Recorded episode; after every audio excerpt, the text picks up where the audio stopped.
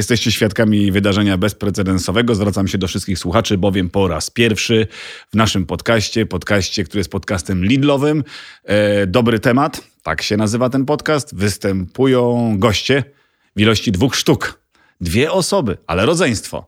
Tego samego e, nazwiska, e, oto oni, Beata i Bartosz Piaseccy. E, Miło nam, witamy. Rodzeństwo. Miło nam, witamy, zgadza się rodzeństwo. Ale zanim do Was, zanim o temacie, no to ja muszę przywitać słuchaczy, no bo oni wszyscy czekają, co znowu wymyśliłem. Tak, to ja, moi drodzy, Karol Okrasa, jako mnie nazwali na chrzcie, nic się nie zmieniło i dzisiaj poruszę temat, który jest dla mnie absolutnie ważny, dobry i przy okazji smaczny. Eee, temat o produkcie, bez którego nie wyobrażam sobie ja osobiście życia w kuchni, w ogóle życia. Mm, o produkcie, który idealnie wprost komponuje się z limonką i kolendrą. Mowa oczywiście o wszędobylskim, jeśli chodzi o moje potrawy, miodzie. Jaki miód wybrać? Oto jest pytanie. Jak miód rozpoznać? Ten prawdziwy. I czy wszystkie miody są prawdziwe? Przecież każdy z nas wiele czytał, wiele wie, a dzisiaj u źródła postanowiłem zasięgnąć informacji, stąd też i Beata i Bartosz ze mną. I teraz oficjalne dzień dobry. Dzień dobry, dzień witamy dobry, wszystkich. Witamy. Kochani, e, ciekawostek i kącików, które tutaj poruszam, e, jest mnóstwo. E, I faktów na temat miodów jest też mnóstwo. No, doczytałem też, że w Egipcie, w Grecji używano ich do produkcji kosmetyków. Beata kiwa, że to prawda. Że babcia nam zawsze na przeziębienie robiła herbatkę z miodem. Z miodem lipowym. Nie wiem, czy to prawda, zaraz do tego wrócimy, ale tak było, prawda? Kiwnij, że było. Było, było. Kiwa. Bartosz, też było, pamiętasz? zgadza pan? się. No pewnie. Pytanie tylko, czy to wszystko e, dzisiaj jest e, na porządku dziennym, czy te informacje są lekko zafałszowane, czy też e, nie.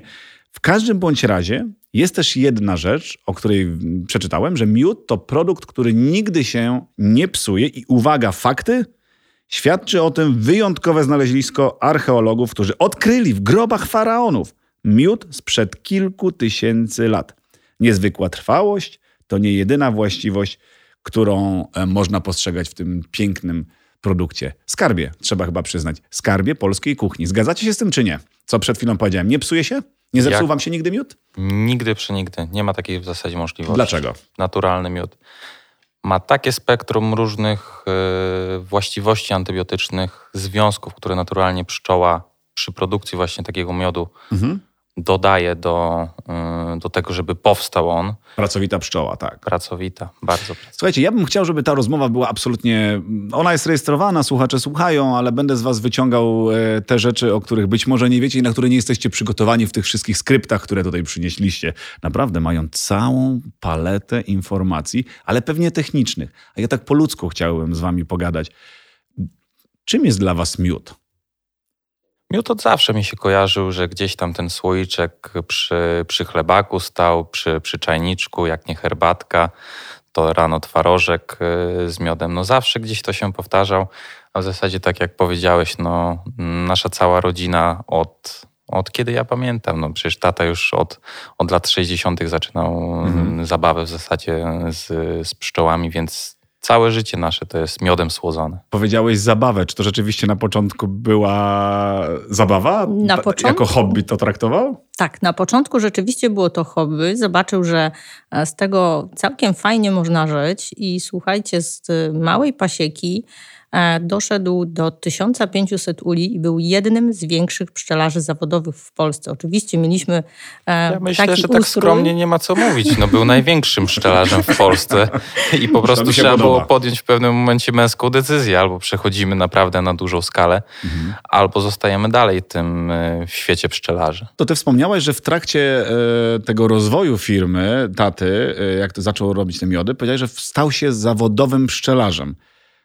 Ale gdzie on się tego uczył? Czy on się uczył na podstawie własnych doświadczeń? Czy trzeba skończyć jakąś szkołę, kurs, żeby stać się takim pszczelarzem dzisiaj? I, i jak to było wtedy? Wiecie, no interesuje mnie, interesują mnie te początki, bo wydaje mi się, że początki są zawsze najtrudniejsze, e, tym bardziej, że no, ten świat wtedy wyglądał troszkę inaczej. Tych informacji no, nie było tak... Trzeba było chodzić do biblioteki, żeby się dowiedzieć. Trzeba było doczytać. Albo No właśnie, znać kogoś, kto wiedział, jak to zrobić. W przypadku naszego taty była to przygoda ze szkołą, z technikum pszczelarskim w Pszczelej Woli. To jest jedna z najstarszych europejskich szkół w ogóle pszczelarstwa i tam tato zaczynał swoje pierwsze jakby szlify zdobywać pod mhm. kierunkiem e, pszczelarstwa. Oczywiście ta szkoła dała mu jakieś tam podstawy, natomiast praktyka e, była zdobywana typowo przez niego. Mhm. A co jest najtrudniejsze w prowadzeniu pasieki? Jednym zdaniem, obydwoje się wyrwali do rozmowy, kobiety mają pierwszeństwo. Beata, dla ciebie e, najtrudniejsze. Dla mnie, co było z mojego doświadczenia mogę powiedzieć, tak. to wcale nie jest taka łatwa i przyjemna praca, bo kiedy no inni no jeździli na wakacje, okay. to my niestety jeździliśmy na miodobrania. Kiedy inni, inne dzieci mogły spokojnie kąpać się w jeziorach, to my... E, Kąpaliście się w miodzie. No, taka prawda mogłaby być. W zimie zamiast nasanki to, to robiło się ramki. ramki. A nawet się zrymowało. ramki, rozumiem, do uli. Ramki do uli, do uli. tak. Okej. Okay. Dla ciebie, Bartek? Najtrudniejsze. najtrudniejsze to jak to wszystko zrobić, żeby na wiosnę była ta sama ilość pszczół i żeby ten po głowie, czyli ten ul yy, pszczeli, żeby z taką samą siłą mógł zabrać się do tej ciężkiej pracy. No właśnie, bo my tak naprawdę rozpatrujemy to miodobranie e, w kategoriach gdyby przyjemnej rzeczy, no bo widzimy latające pszczółki. Natura. Natura, świeci słonko, ale jest też okres, w którym te pszczoły żyją w tym ulu, w zimie, hibernują. Nie wiem, czy to jest dobre słowo, czy nie. Ale jak to zrobić, żeby one tam, czy to jest ten e, największe ryzyko, trochę jak w prowadzeniu trochę gospodarstwa, że nie macie chyba wy jako pszczelarze na wszystko wpływu. Pogoda determinuje bardzo dużo. Zgadza się. I krowa, nie wiem czy to prawidłowo powiem, zamuczy, jak coś jest jej nie tak, a pszczoła nie nic nie powie. I to jest cały właśnie Czyli co, od szkopu. Dopiero na wiosnę wszystko może się okazać, czy będzie dobrze, czy też będzie klapa? Tak naprawdę dopiero wiosna pokazuje nam, czy ta rodzina pszczela przetrwała, w jakiej jest kondycji. Mhm. I bardzo dużo niestety, ale zależy od przyrody. Od tego, czy przyroda wystartuje szybciej, czy przyroda wystartuje później. Mhm. E, wiadomo, że pszczoła na zimę musi zostać przez pszczelarza specjalnie przygotowana, czyli poddaje się jej... Przygotowana? Tak, przygotowana. To się składa ule na zimę. E, w takim, wiadomo, pszczoła przynosi nam miód. Tak. E, ludzie podczas tego miodobrania ten cudowny pokarm pszczole po prostu zabierają, więc żeby ona mogła spokojnie przezimować, to musi dostać coś w postaci syropu. Najprostszym syropem mhm. wiadomo, że jest cukier buraczany, który pszczoła dostaje na zimę i go po prostu zjada. Czyli tak troszkę trzeba ją napaść jak niedźwiadka, na, żeby na, przetrwała ten Prawda okres. jest taka, że e, pszczela gospodarka to jest największa gospodarka rabunkowa. My zabieramy pszczołom, no niestety, to co one tak ciężko wypracowały. Mhm. I żeby mogły spokojnie sobie tą zimę to przezimować, żeby mogły utrzymać tą temperaturę w roju, które tworzą, bo zawsze w środku um, ula jest sama matka, którą otaczają robotnice i utrzymują regularną temperaturę, żeby utrzymać e, wszystko we właściwych e, mhm. ryzach. Ale żeby tą temperaturę uzyskać, utrzymać, no to muszą mieć skądś ten pokarm. I wtedy właśnie takim substytutem miodu na zimę jest właśnie syrop e, buraczany. I przez tą całą zimę pszczoły są w stanie go skonsumować tak, żeby momencie jak zaczyna się wiosna, zaczynają kwitnąć nowe kwiaty, wystartować z czystym magazynem. E, kiedy pojawia się pierwszy miód? Pierwszy miód to jest zazwyczaj miód taki mniszkowy, ale jest on bardzo dosyć Mówimy nas, o mniszku lekarskim? O mniszku tak. lekarskim. Okay. To jest pierwszy kwiatek, który kwitnie. A tak mhm. naprawdę pierwsza jest wierzba i te pszczółki pracowite zbierają pyłek z wierzby. Potem sobie szybciutko polecą na ten piękny żółty kwiatek. E, ale takim najważniejszym pierwszym pożytkiem jest rzepak, czyli rzepak. takie piękne, tak. żółte, ładnie pachnące pola. Jeszcze od razu mi się nasuwa pytanie odnośnie tego, czy każdy miód, każdy rodzaj miodu możemy co roku pozyskać. Czy to się udaje? Czy są e, posuchy? Czy są lata, kiedy miodu spadziowego jest bardzo mało albo go w ogóle nie ma? To jest najprostszy przykład. Miodu spadzi, ze spadzi iglastej praktycznie w Polsce od dwóch, trzech lat nie, nie występuje, ponieważ pogoda nie dopisała mszyce nie mogły się na tyle rozwinąć, żeby, żeby pozyskać właśnie ten, ten miód, więc pogoda jest kluczowym czynnikiem. Nie możemy tu sobie niczego zaplanować. Mhm. To jest właśnie specyfika, urok i piękność, wydaje mi się, tej branży. musimy się pasować w naturę, musimy się do niej uśmiechnąć, musimy mieć nadzieję, że życzliwa nam będzie i wtedy będziemy mogli pozyskać miód. Co wtedy była to zrobić, jak nie ma miodu? Co wy robicie? Zbieracie inny? Przenosicie pasieki? W naszej karierze jakby pszczelarskiej nigdy się jeszcze tak nie zdarzyło, żeby jakaś odmiana przynajmniej jedna nie pozwoliła na przeżycie dla pszczelarza. Okay. Jest to coś co cennego, co daje nam przyroda. Jeżeli jeden miód nie występuje, to na pewno drugiego będzie urodzaj. I tak na przestrzeni mojej obserwacji rzeczywiście jest. Pamiętacie to swoje pierwsze miodo, miodobranie? Czy to jest jakaś inicjacja? Jak wygląda miodobranie? Tak, żeby tylko zarazić, nie wyjaśniać wszystkiego. Jakbyście mogli zamknąć oczy i co widzicie na miodobraniu? huk i rumor, trzepotanie skrzydeł pszczelich. Jest to coś nie do opisania. Jeżeli mm, właśnie od, odwiedzisz nas, to ubiorę cię w specjalny strój pszczelarza, pójdziemy do pasieki, usłyszysz i gwarantuję, że nigdy nie, nie zapomnisz tego, A tego dźwięku. Tym, ten specyficzny zapach spod kurzacza i zapach świeżego miodu, to jest bezcenne. Zapach świeżego miodu, to musi być naprawdę niesamowite. Ja do pszczół, że tak powiem, chodziłam od samego początku, od najmłodszych lat. Zawsze jeździłam z rodzicami i była to swojego rodzaju pasja. Moje dzieci do dzisiaj też chodzą z dziadkiem do ula.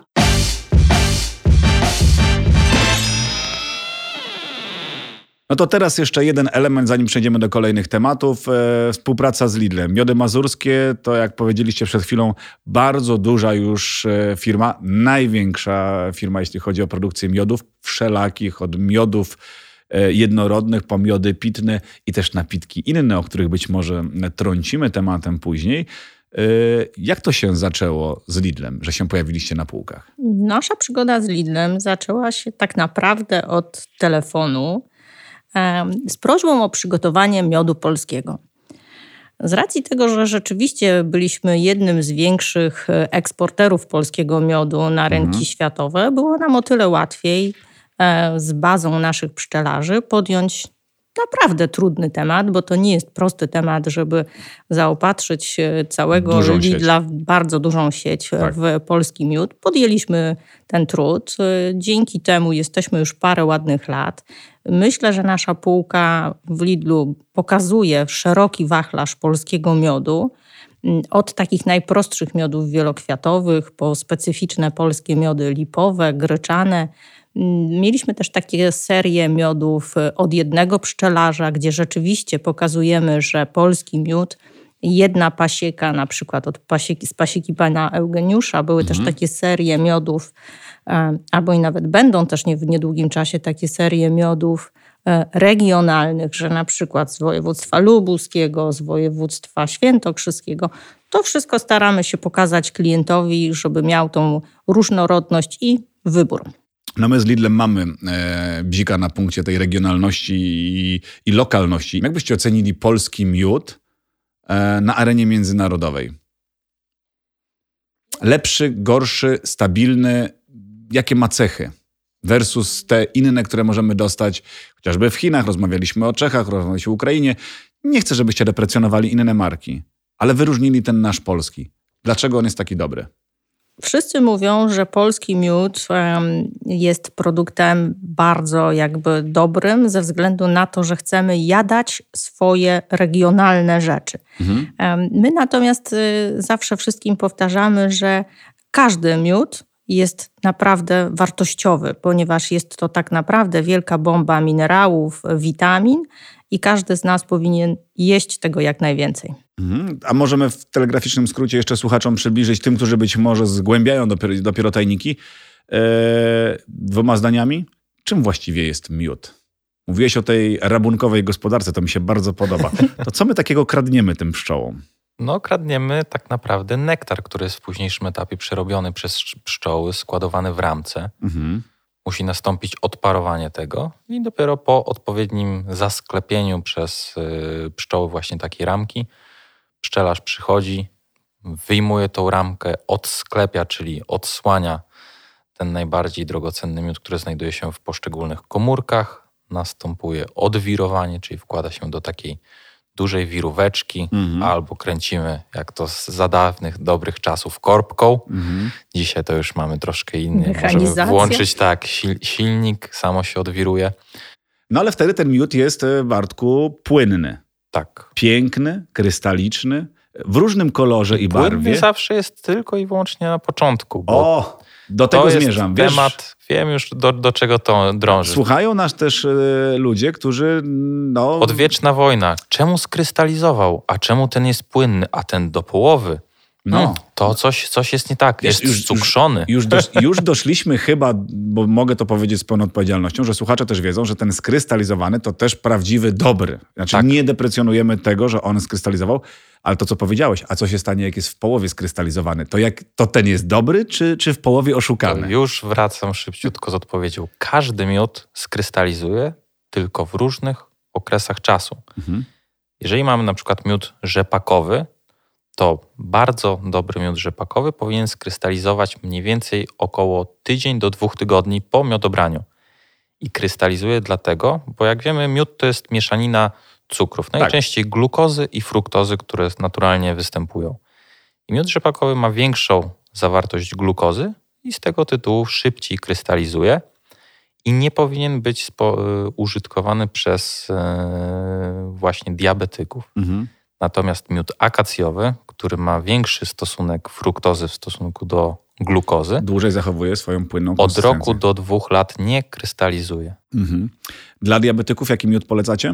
Zdecydowanie akacjowy. A oprócz akacjowego jeszcze jakiś wyróżnik? Czasami niektórzy mówią, że jest to również miód lipowy. Mhm. E, ale ja osobiście wolałabym z, z czystym sumieniem polecić akacjowy. akacjowy. To wasz ulubiony miód jakbyście mogli powiedzieć, Beata? Mój ulubiony miód tak naprawdę to jest brzosowy. Miód, który nie rośnie w, tak naprawdę na Warmii i Mazurach. Jest to miód, który występuje w lasach, których Pyszna na miejscach. Taka. Dokładnie, mm. jest cudowna galaretka. Widzę, że też troszkę się znasz smakiem. na tym miodzie. Nie wyobrażam sobie potrawy bez miodu. Naprawdę używam namiętnie do wszystkiego, by y, ten cudowny, cudowną harmonię pomiędzy słodyczą a kwaśnością charakterystyczną dla polskiej kuchni znaleźć. Miód mi w tym pomaga. Czasami są to suszone owoce, ale miód jest naprawdę mm -hmm. genialnym produktem, bo ja też miód traktuję jako przyprawę. On ma za zadanie znaczy, słodzenie miodem dla mnie to jest efekt poboczny, bo dla mnie miód ma przede wszystkim zapach i smak. Stąd też te różnice. Po to tyle rodzajów miodów, prawda? Więc ja dodaję ten miód jako przyprawę. Inaczej gryczany pachnie, inaczej lipowy, akacjowy, rzepakowy, a już na pewno wrzosowy, który oprócz tego konsystencją jest w stanie nas po prostu wysycić. Cudowna galaretka. Cudowna galaretka. Wrzosowy jest znakomity. Dobry wrzos, jak odwrócisz słoik do góry nogami, to nie powinien wypaść. No dobrze, ale wrzos już padł, teraz twoja e, kolej. Jaki jest twój... glasta. Spaci glasta? Tak. Jezu, to mocne takie. Mocne, mocne wejście. Ciemny miód, bardzo esencjonalny, żywiczny. Mhm. W zasadzie pozyskiwany tylko i wyłącznie z jednego terenu Polski pod tytułem Bieszczady. O właśnie. Jodła. I, I, może o tym też powinniśmy powiedzieć, że miody mają swoje e, regionalizacje, czyli my nie uzyskamy każdego miodu z każdego regionu Polski, bo do tego potrzebne są warunki. Drzewka, kwiatki, roślinki. E, I to jest ta największa chyba unikalność miodu, prawda? Największy walor, że możemy go mieć, tak jak nie wiem, trawę żubrową z jednego tylko regionu, tak też miód, jak powiedziałeś przed chwilą, spadziowy, tylko bieszczady. Tak. ten I taki... stąd polscy pszczelarze wpadli na pomysł, że można mieć różne pożytki i różne pszczoły. Mm. I stąd też pasieki wędrowne. Pasieki wędrowne, czyli przestawiamy, tak? Przestawiamy ule. E, ale to taka e, praca rzeczywiście u podstaw, no bo trzeba pojechać. A jak długo taki ul musi tam stać? Tak długo, jak występuje pożytek. Czyli też pszczelarz ma od na przykład miodu rzepakowego, czyli tego pierwszego, mhm. po odwirowaniu niecałe dwa tygodnie, żeby go na przykład przewieźć tą pasiekę na drzewa lipowe. Mhm. No, praca pszczelarzy to ciężka praca. O tym mówiliśmy na samym początku.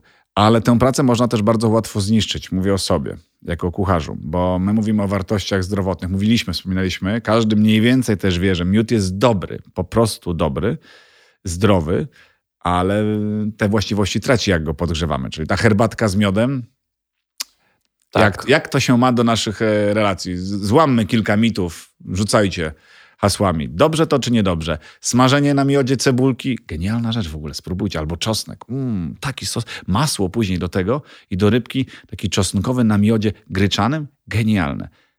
No ale my wtedy tylko mamy smak, no bo już tych wartości odżywczych chyba nie. Różne szkoły mówią nam różne rzeczy. E, ja wychodzę z tego założenia, że jeżeli coś mi smakuje, to ja się przyznaję, że ja do herbatki dodaję łyżeczkę miodu i nie czekam, aż ta woda ostygnie.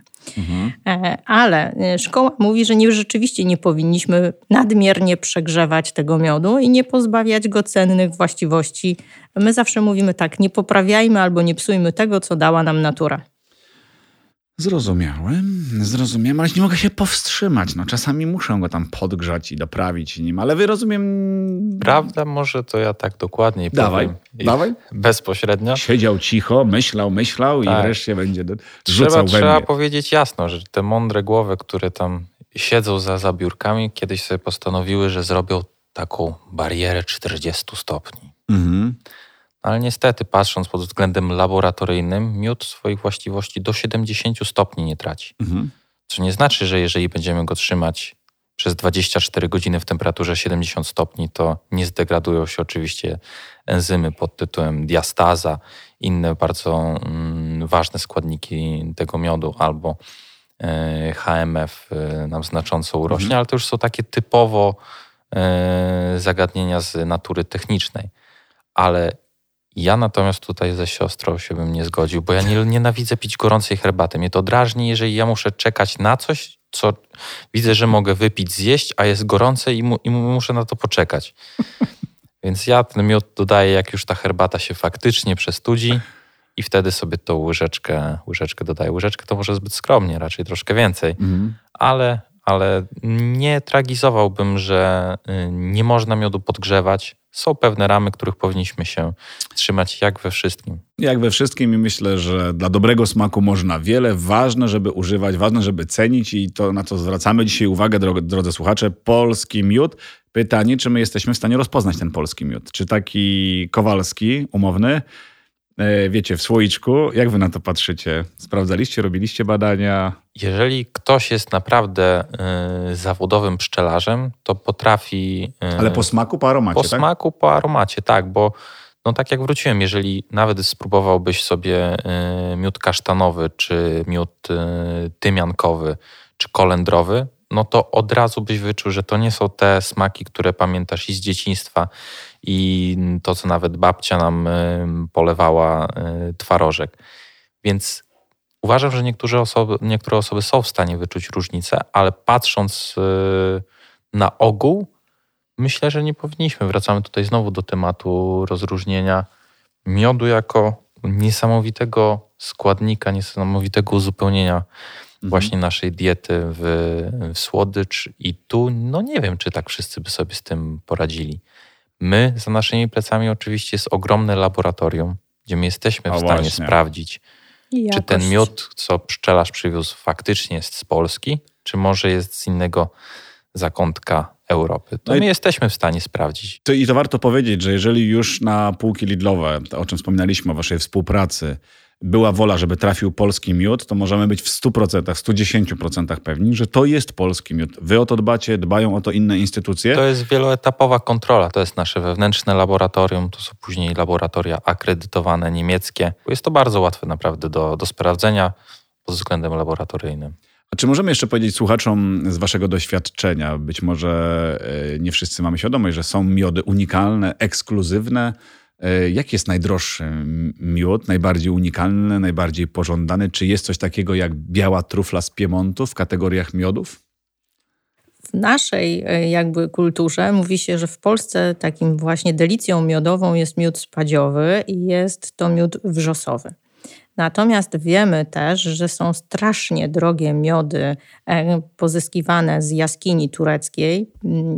I te miody charakteryzują się tym, że te pszczoły rzeczywiście żyją w tych jaskiniach, zbierają e, pieczołowicie te miody rosnące z różnych kwiatków. My z kolei też Polacy przyzwyczailiśmy się do słynnego miodu manuka, mhm. E, z Nowej Zelandii, który też ma jakieś specyficzne właściwości. Mówi się, że tutaj e, prozdrowotne. ale tak naprawdę wszystko jest kwestią smaku i jedzmy ten miód i jedzmy taki miód, jaki lubimy i taki, jaki nam najbardziej smakuje. Ale jeżeli ktoś jeszcze nie miał okazji spróbować wrzosowego, to absolutnie polecamy. Ja polecam osobiście, wy też chyba, prawda? Bo to jest genialny miód. I drugim miodem, który moim zdaniem, który też jest w Lidlu i który warto przywrócić z powrotem na piedestał, to jest miód gryczany. Troszkę zapomniany ze względu na ten swój mocny, charakterystyczny aromat i smak no, bardzo rzadko stosujemy w kuchni. Albo się go lubi, albo się go nie lubi. Wiesz co, ale wydaje mi się, że trzeba go po prostu polubić, bo on jest nasz, on jest e, pachnący i on właśnie jest taki turbocharakterystyczny, więc naprawdę dodatek tego miodu do kilku potraw, do nawet sałateczki, czy do dressingu na zimno, żeby zachował swoje właściwości, od razu powoduje, że ta potrawa smakuje, bo on nie jest płaski.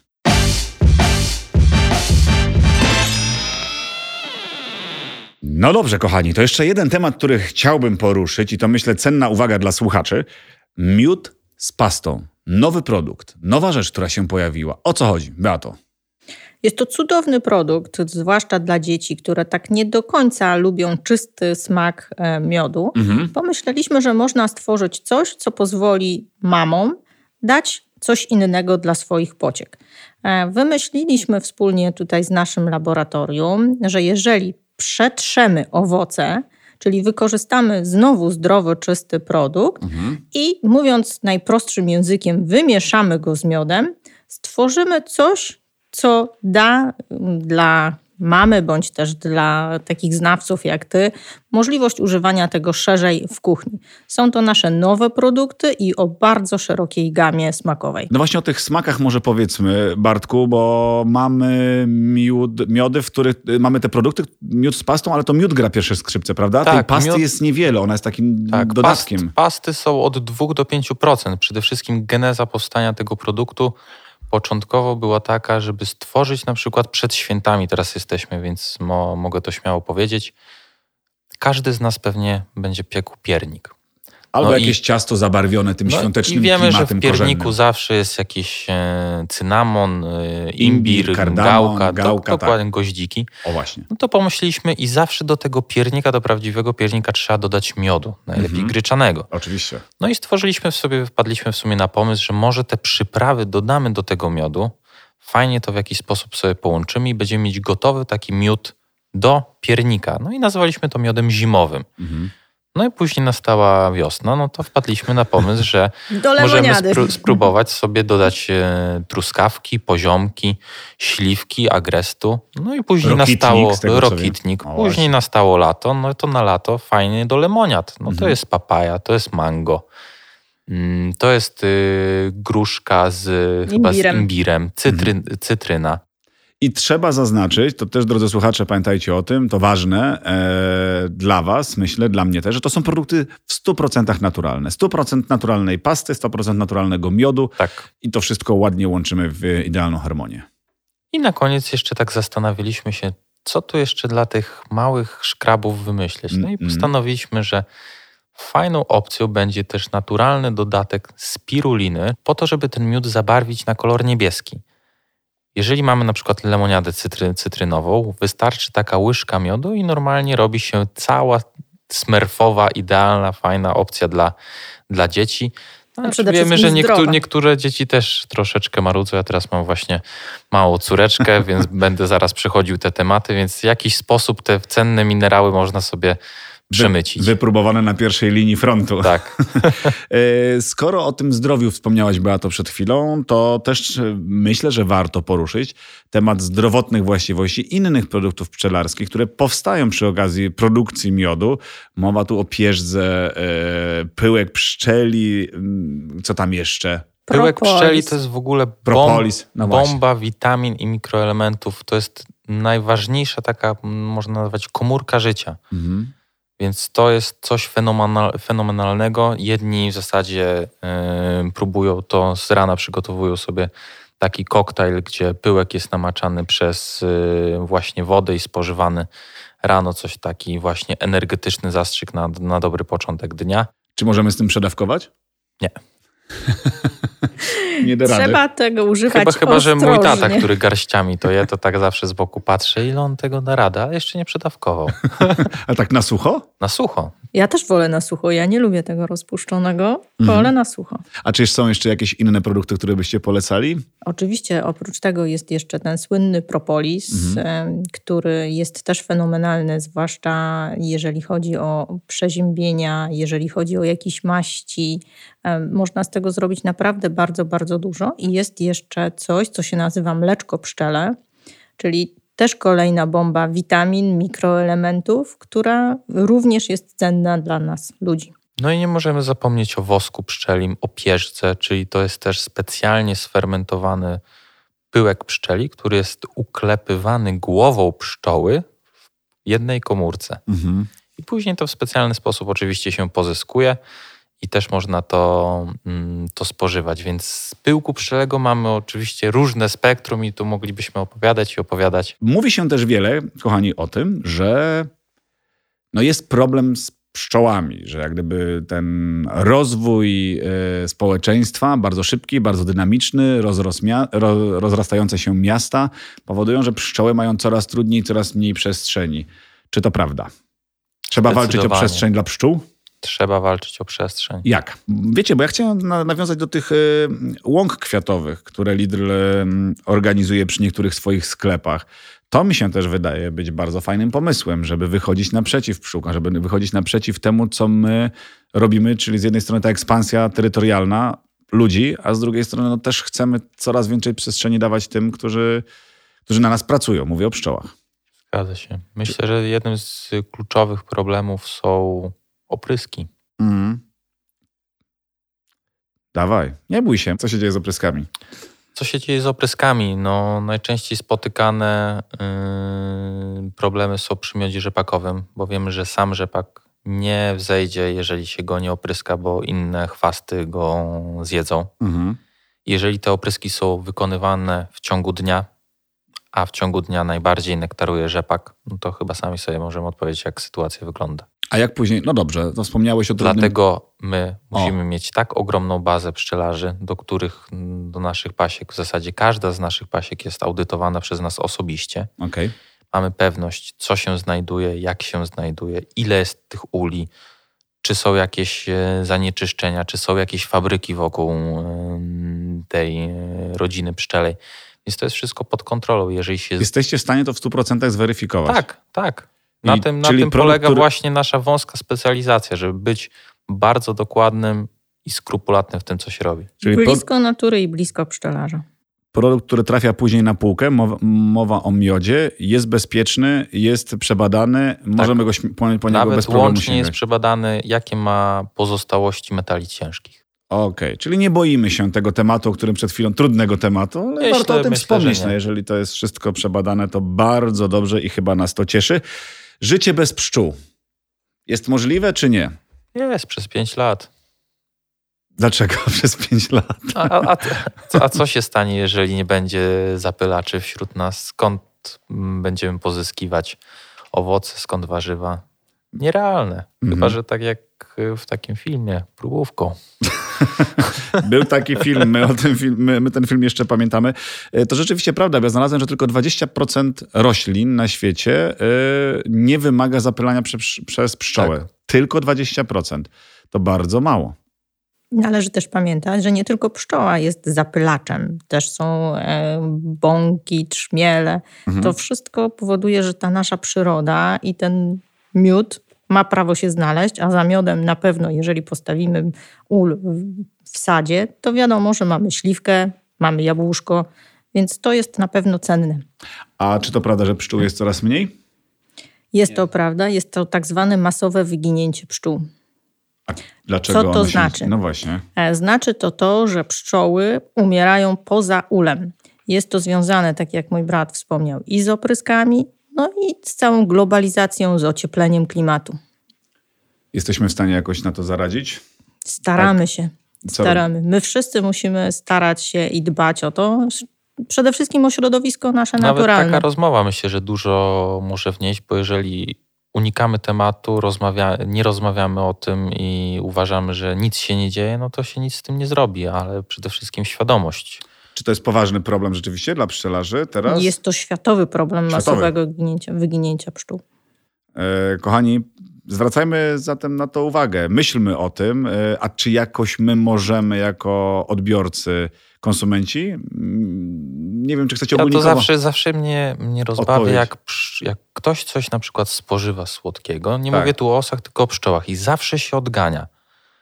Pszczoła nie ma zakodowane, że ona od razu chce kogoś urządlić, bo to nie jest jej w naturze, bo pszczoła po urządleniu automatycznie umiera, ponieważ z żądłem niestety wychodzą jej, jakby to nie zabrzmiało, wnętrzności. Mhm. Więc pszczoła jest niczym e, mm, Zabójca jednorazowy.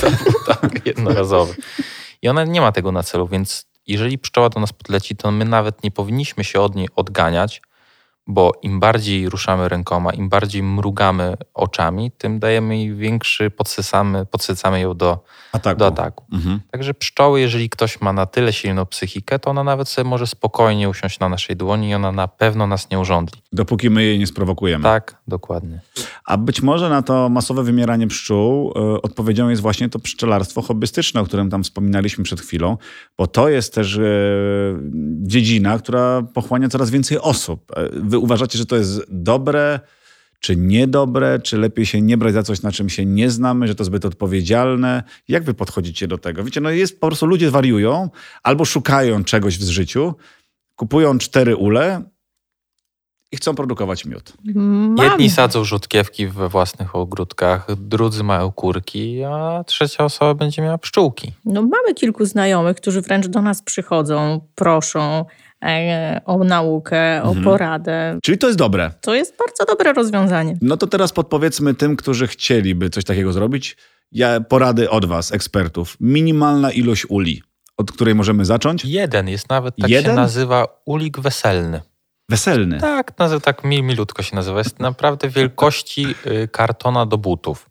Okej. Taki ma mikrorameczki, naprawdę jest to przecudowne, jeżeli ktoś chce nawet zacząć pierwszy swój własny ul. W ogródku postawić Tak. y, bez żadnego Tak. problemu i zbierać tam miód, ale czy trzeba zadbać o tę królową, trzeba zadbać o robotnicę, trzeba zabrać o strażnicę. No jak ze, jak ze wszystkim, no wiesz, jak nawet posadzisz warzywa y, w ogródku, to musisz wiedzieć, no jak ten dołek musisz wykopać, więc takie podstawy to myślę przy dzisiejszej dobie internet, rozwoju internetu, taki know-how podstawowy jest naprawdę łatwo pozyskać, a jeżeli ktoś ma problem, to my jesteśmy otwarci i w tych małych i w tych dużych sprawach możemy pomóc. No dobrze, czyli, ale królowa jest ważna. Królowa jest najważniejsza, to jest Bez królowa królowej matka. nie ma ula. Nie Nawet ma w ula. tym mikroulu musi być królowa? Musi. Może rzeczywiście rozwiązaniem na to masowe wymieranie pszczół będzie, że każdy w domu pasiekę powinien mieć. Tam, gdzie może. Tylko pamiętajmy, że trzeba być odpowiedzialnym, bo są to istoty żywe, istoty, które wymagają naprawdę Brawo. ciężkiej pracy i minimum e, wiedzy, bo to nie jest tak łatwo postawić sobie ul i nie doglądać tej pszczoły. One same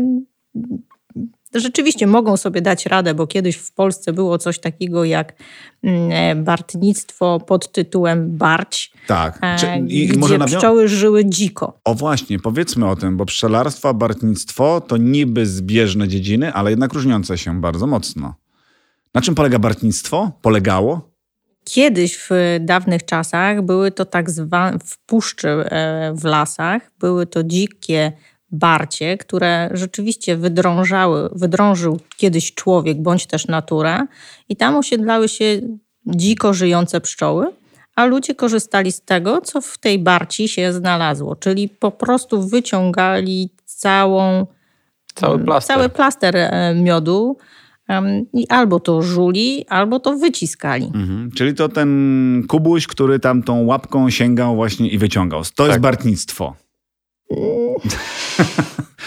Można tak W powiedzieć, w uproszczeniu dziecięcym. dziecięcym. E, moi drodzy, na koniec, e, waszym zdaniem, miód polski przeżywa renesans, tak jak wydaje mi się renesans przeżywa pszczelarstwo trochę, bo chcemy Trzeba się... powiedzieć naprawdę to otwarcie, że Lidl był jedyną siecią, która podjęła z nami współpracę i odczarowała polski miód. Bo wszyscy pamiętają, że od 2000 roku na półkach sklepowych można było tylko znaleźć miód od naszych bardzo, bardzo dalekich wschodnich przyjaciół. Nie będę już dokładnie wymieniał. I szukaliśmy, chodziliśmy, proponowaliśmy. Pokażmy to, co jest nasze dobre, to, co jest nasze polskie, co wszystkim smakuje. I Lidl był jedyną siecią, która podjęła rękawice i po, wspólnie podjęliśmy tą ciężką pracę pokazania polskiego miodu, pokazania jego gatunkowości. I za to chcę w zasadzie bardzo podziękować, bo to jest ciężka, żmudna praca, która naprawdę uważam, że została fajnie, fajnie wykonana a na tym nie poprzestaniemy. Bardzo dziękuję, to miłe i super, że ktoś rzeczywiście w końcu doszedł do wniosku, że to, co nasze, to prawdziwy skarb. I powinniśmy ten skarb doceniać, zauważać i pszczelarzom, kochani, na wszelkie możliwe sposoby pomagać. pomagać. Bo to rzeczywiście ciężka praca, którą mam nadzieję dzisiaj Wam przybliżyliśmy. Bardzo dziękuję za tę rozmowę. Mm, y, Jezu, Beatko, bardzo przepraszam. Na początku wymieniłem tylko jedno twoje nazwisko. Beata Piasecka-Sasin i Bartosz Piasecki byli moimi państwa gośćmi. Serdecznie dzięki za te wszystkie ciekawostki. Jeżeli szukacie inspiracji, chcecie zacząć być pszczelarzami, zgłoście się. Mazurskie Miody, Bartosz, Beatka są gotowi i inni, którzy z wami pracują, pewnie chętnie udzielą wszelakich porad, jakby ktoś chciał się hobbystycznie tym zająć. Jeden warunek, o czym powiedziałaś Beato, odpowiedzialnie. Odpowiedzialnie. Odpowiedzialnie też żegnam się z Wami, życząc wszystkiego, co dobre e, w nowym 2022 roku. Chcecie złożyć życzenia? Bo to jest okazja, bo to jest ostatni podcast w tym roku. Możecie składać życzenia oficjalnie wszystkim. Dawajcie. Albo, albo komuś z osobna. Nie, to złóżmy te życzenia wszystkim, żeby pszczelarze mieli pełne beczki miodu, a my jako klienci, żebyśmy mogli je spokojnie wszędzie kupić. I dużo, dużo zdrowia. Bartku? Ja myślę, że na sukces firmy tak naprawdę wszyscy po trochu pracują. To nie możemy powiedzieć, że to tylko nasza rodzica. Nie możemy zapomnieć o pracownikach, o wszystkich osobach, tak jak moja siostra wspomniała, o pszczelarzach, którzy naprawdę łącznie pracują na, na ten ogromny nasz, nasz sukces i to nie, przede wszystkim dla Lidla. A ja, kochani, dołączam się do życzeń i dopisuję do tego, mm, by te święta były radosne, mlekiem i oczywiście miodem płynące.